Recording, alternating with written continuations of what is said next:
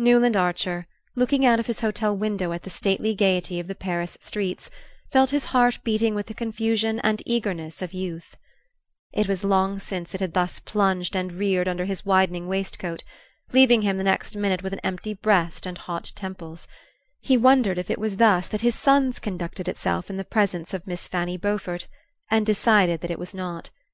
It functions as actively, no doubt, but the rhythm is different, he reflected, recalling the cool composure with which the young man had announced his engagement, and taken for granted that his family would approve. The difference is that these young people take it for granted that they're going to get whatever they want, and that we almost always took it for granted that we shouldn't. Only, I wonder the thing one's so certain of in advance can it ever make one's heart beat as wildly? It was the day after their arrival in Paris, and the spring sunshine held Archer in his open window above the wide silvery prospect of the Place Vendôme. Of the things he had stipulated, almost the only one, when he had agreed to come abroad with Dallas, was that, in Paris, he shouldn't be made to go to one of the new fangled "palaces." "Oh, all right, of course," Dallas good naturedly agreed.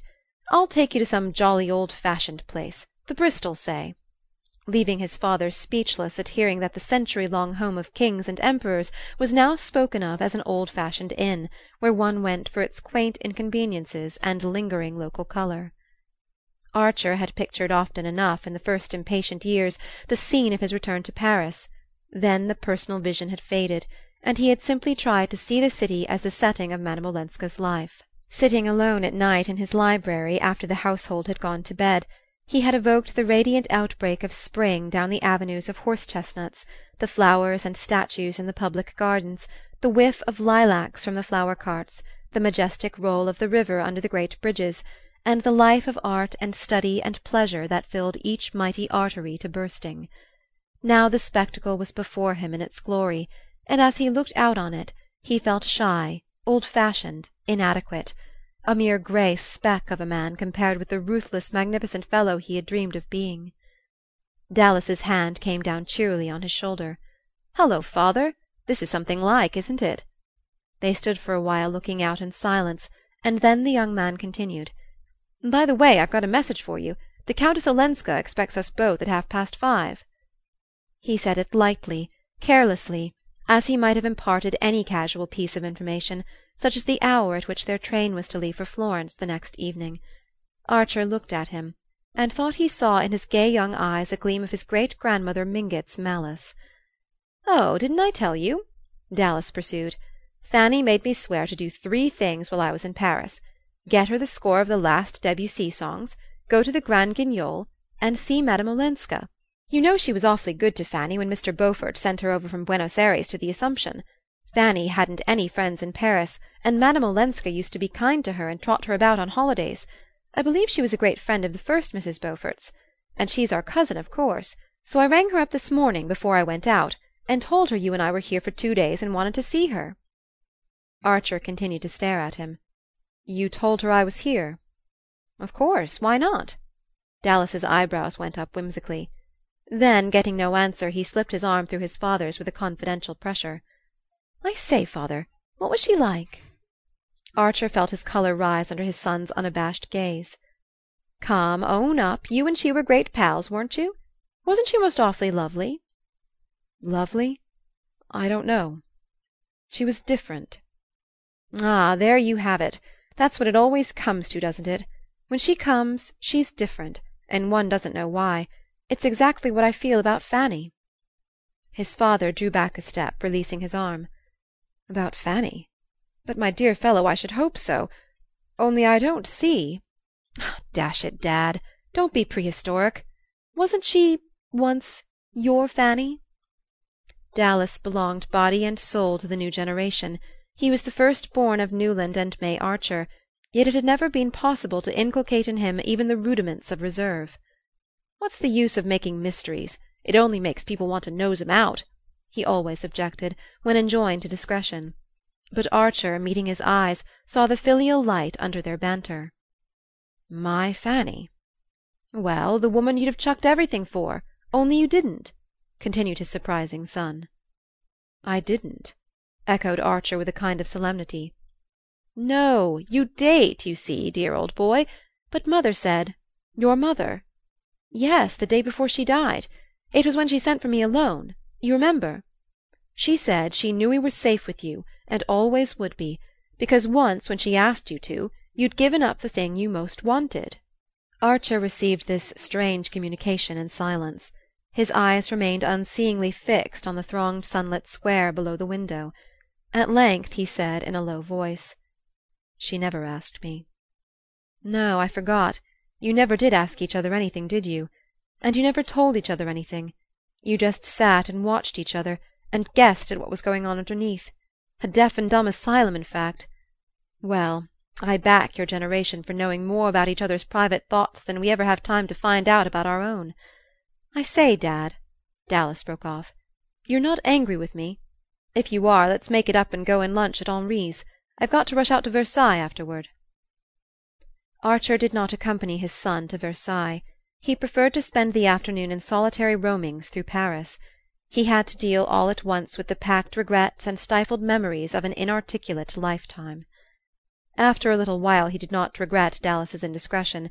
It seemed to take an iron band from his heart to know that, after all, some one had guessed and pitied and that it should have been his wife moved him indescribably. Dallas, for all his affectionate insight, would not have understood that.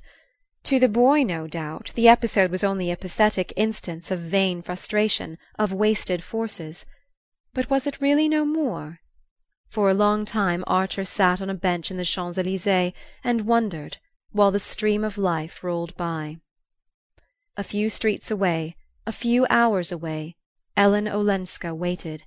She had never gone back to her husband, and when he had died, some years before, she had made no change in her way of living.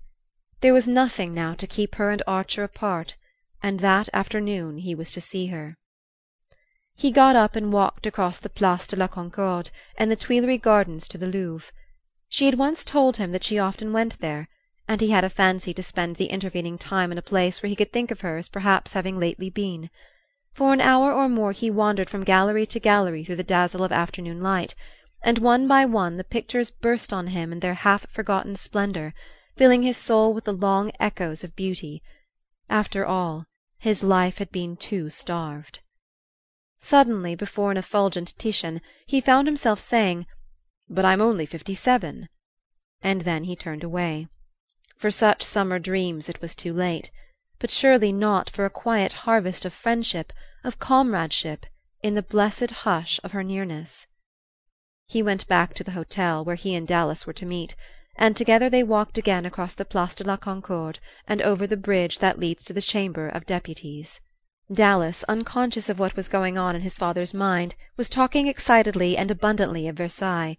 He had had but one previous glimpse of it, during a holiday trip in which he had tried to pack all the sights he had been deprived of when he had had to go with the family to Switzerland, and tumultuous enthusiasm and cocksure criticism tripped each other up on his lips. As Archer listened, his sense of inadequacy and inexpressiveness increased.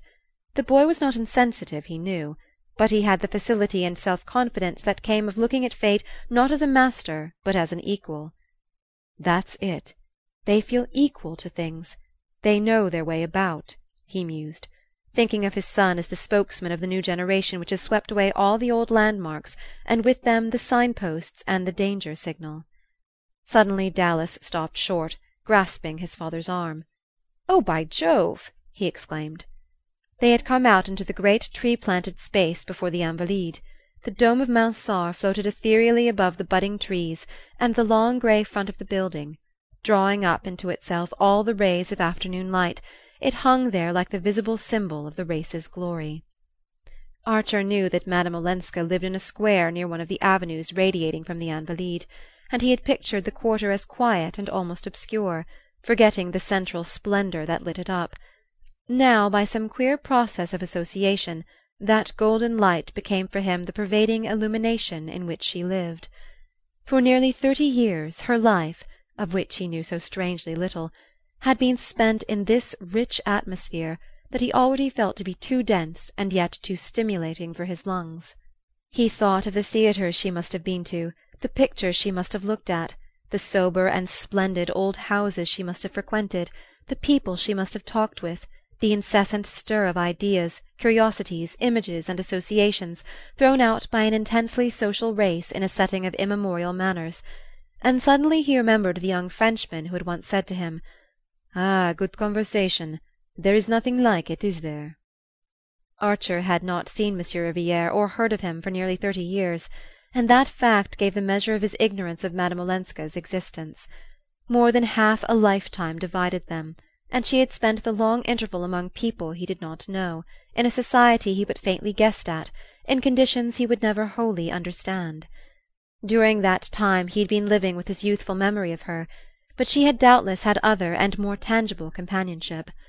Perhaps she too had kept her memory of him as something apart; but if she had, it must have been like a relic in a small dim chapel, where there was not time to pray every day. They had crossed the Place des Invalides and were walking down one of the thoroughfares flanking the building. It was a quiet quarter, after all, in spite of its splendor and its history, and the fact gave one an idea of the riches Paris had to draw on, since such scenes as this were left to the few and the indifferent. The day was fading into a soft sunshot haze, pricked here and there by a yellow electric light, and passers were rare in the little square into which they had turned. Dallas stopped again and looked up. "It must be here," he said, slipping his arm through his father's with a movement from which Archer's shyness did not shrink, and they stood together looking up at the house. It was a modern building, without distinctive character, but many windowed, and pleasantly balconied up its wide cream colored front. On one of the upper balconies, which hung well above the rounded tops of the horse chestnuts in the square, the awnings were still lowered, as though the sun had just left it.